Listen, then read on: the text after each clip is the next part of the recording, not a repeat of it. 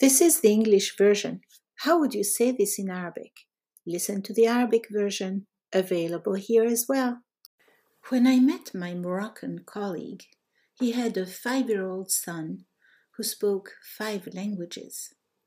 He only spoke German to his mom, Arabic to his dad, French to his aunt in Morocco, English at school here in New York, and Serbo Croatian to his grandmother in Montenegro. This little boy now has a younger brother who also speaks five languages. God bless. Hats off to this inspiring family. If you like my podcast, you will like my books on Amazon, my YouTube channel, my other podcast, and my blog, all in my bio. Feel free to buy me a coffee below.